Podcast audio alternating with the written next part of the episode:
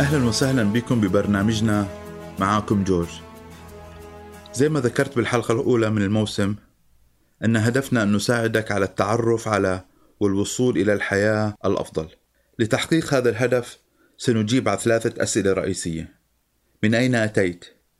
وإلى أين تريد أن تذهب؟ ومن يمكنه أن يرشدك إلى هناك؟ لا نزال في السؤال الأول من أين أتيت؟ اليوم سأقوم بتقديم أداة جديدة تساعدك على فهم من أين أتيت زي ما ذكرنا بالحلقة الثانية أنه كتابة قصة الحياة تساعدك على التعرف على الشخصيات المهمة المؤثرة اللي تركت أثر أو بصمة في حياتك أو الظروف الخارجية الخارجة عن سيطرتك اللي ساهمت بتشكيل شخصيتك. اليوم سنتحدث عن أداة جديدة تدعى رسم خط سير الحياة اللي هي من خلالها بنضع الأحداث المهمة بحياتك بخط زمني متسلسل. اللي يساعدك على التعرف على نقط التحول أو أو الفترات الانتقالية اللي ساعدت في تطوير وتشكيل شخصيتك. للقيام بذلك قم بتكوين جدول جديد مكون من ثلاثة أعمدة.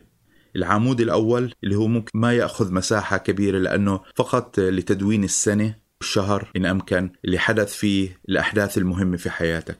العمود الثاني بتلخص أو بتذكر اسم الحدث أو التجربة أثرت في حياتك. تعتبرها نقطة انتقالية أو أو حدث مهم ساهم بتكوين شخصيتك.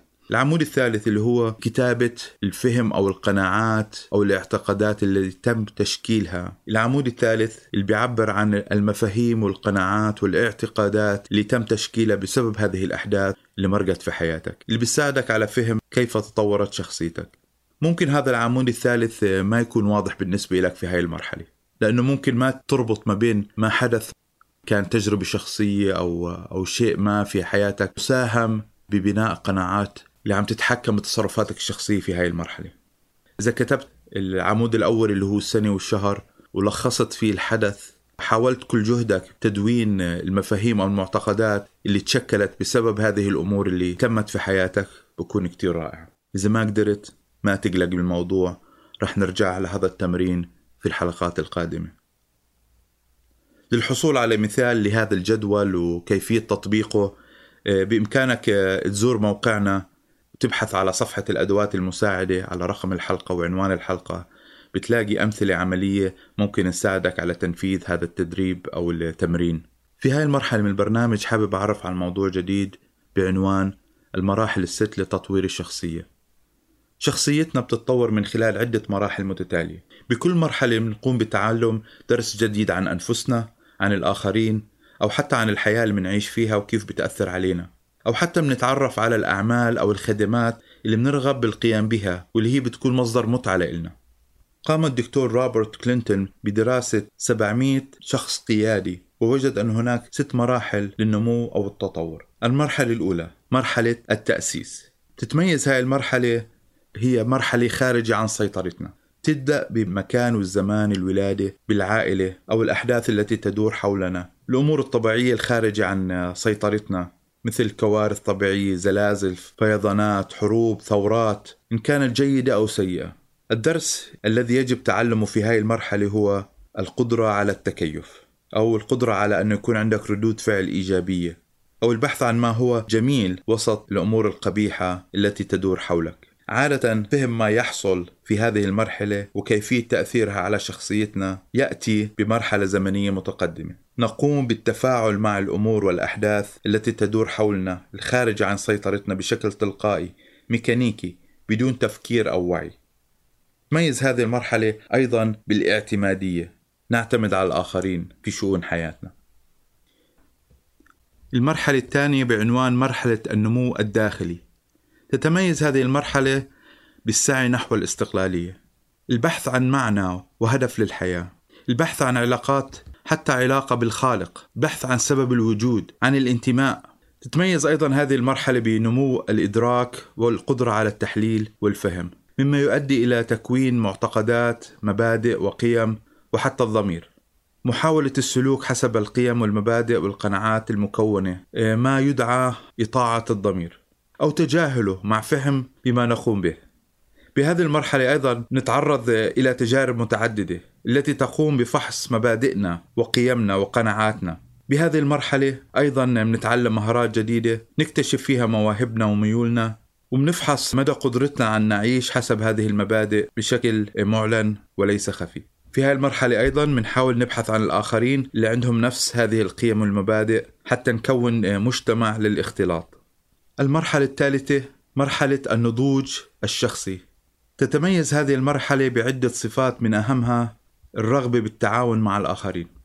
إدراك الدور والمكانة بالحياة بناء على القدرات والمهارات الحالية. عدم الاكتفاء والسعي نحو التطوير وتوسيع الآفاق.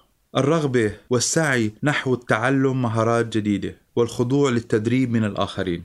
إدراك أهمية وجود مدرب مرشد لتطوير وتنمية الشخصية. يبدأ اختبار والتعايش مع إيجابيات وسلبيات التعامل مع الآخرين.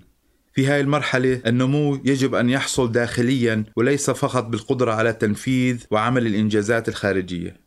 رغم رغبتنا على التركيز على الإنجازات الخارجية في هذه المرحلة الأهم هو بناء الشخصية من الداخل. الدرس الذي يجب تعلمه هو أن أعمالنا الخارجية هي تنبع من أو انعكاس لما نحن عليه من الداخل. المرحلة الرابعة مرحلة الإنجاز العملي. ومن أهم صفاتها التركيز على الأولويات. إدراك ما يميزك من مهارات وقدرات وما من هذه المهارات تستمتع بالقيام به. تسعى لتحقيق إنجازات مميزة في مجال تخصصك. وضع أولويات والقيام بالتخلص من أي أمور غير مجزية أو مقنعة. إدراك أهمية الصدق مع النفس. والقيام فقط بالأمور تعبر عن شخصيتك من الداخل. الشخصية تصبح أقل تعصبا وأكثر قبولا للآخر ورغبة لسماع وجهة النظر الطرف الآخر. الشخص يصبح له إدراك وفهم لما يدور في حياته مما يؤدي إلى النضوج والتقبل الإيجابي لما يدور من حوله. وهاي بينتج عنها السلام الداخلي والفرح. المرحلة الخامسة مرحلة التألق أو التميز. القليلون من الناس يصلوا لهذه المرحلة. في هاي المرحلة يقوم الإنسان فقط بتقديم الأعمال أو الخدمات اللي بتناسب شخصيته مهاراته للحصول على أفضل نتائج. التحرر والتخلص من الأعمال التي لا تناسبه. التطور الشخصي والحياة العملية تصل إلى أفضل مراحلها وأكثرها ثمارا. أسباب عدم وصول الكثيرين إلى هذه المرحلة. واحد عدم الرغبة بالتطور أو عدم بذل المجهود المطلوب للحصول على هذا التطور. ثانيا العمل بمؤسسات التي لا تشجع التطوير أو حتى تقوم بمقاومته. المرحلة السادسة تدعى مرحلة الاحتفال أو التكليل. القليلين جدا من الناس اللي بيحققوا هذه المرحلة. هي مرحلة اعتراف المجتمع بإنجازاتهم مرحلة تقديم الشكر والأوسمة والاعتراف بالتأثير الإيجابي بالبصمة الإيجابية اللي تركوها على المجتمع المحيط فيهم. في هاي المرحلة الكثيرين من الناس بيطلبوا منهم أو بيسعوا أن يقضوا معاهم الوقت للاستفادة من خبرتهم ومن إنجازاتهم. في هاي المرحلة بيندعوا ليقدموا المحاضرات ليتحدثوا أو حتى يكتبوا الكتب يعبروا فيها عن كيف ساهموا في البناء المجتمع حولهم.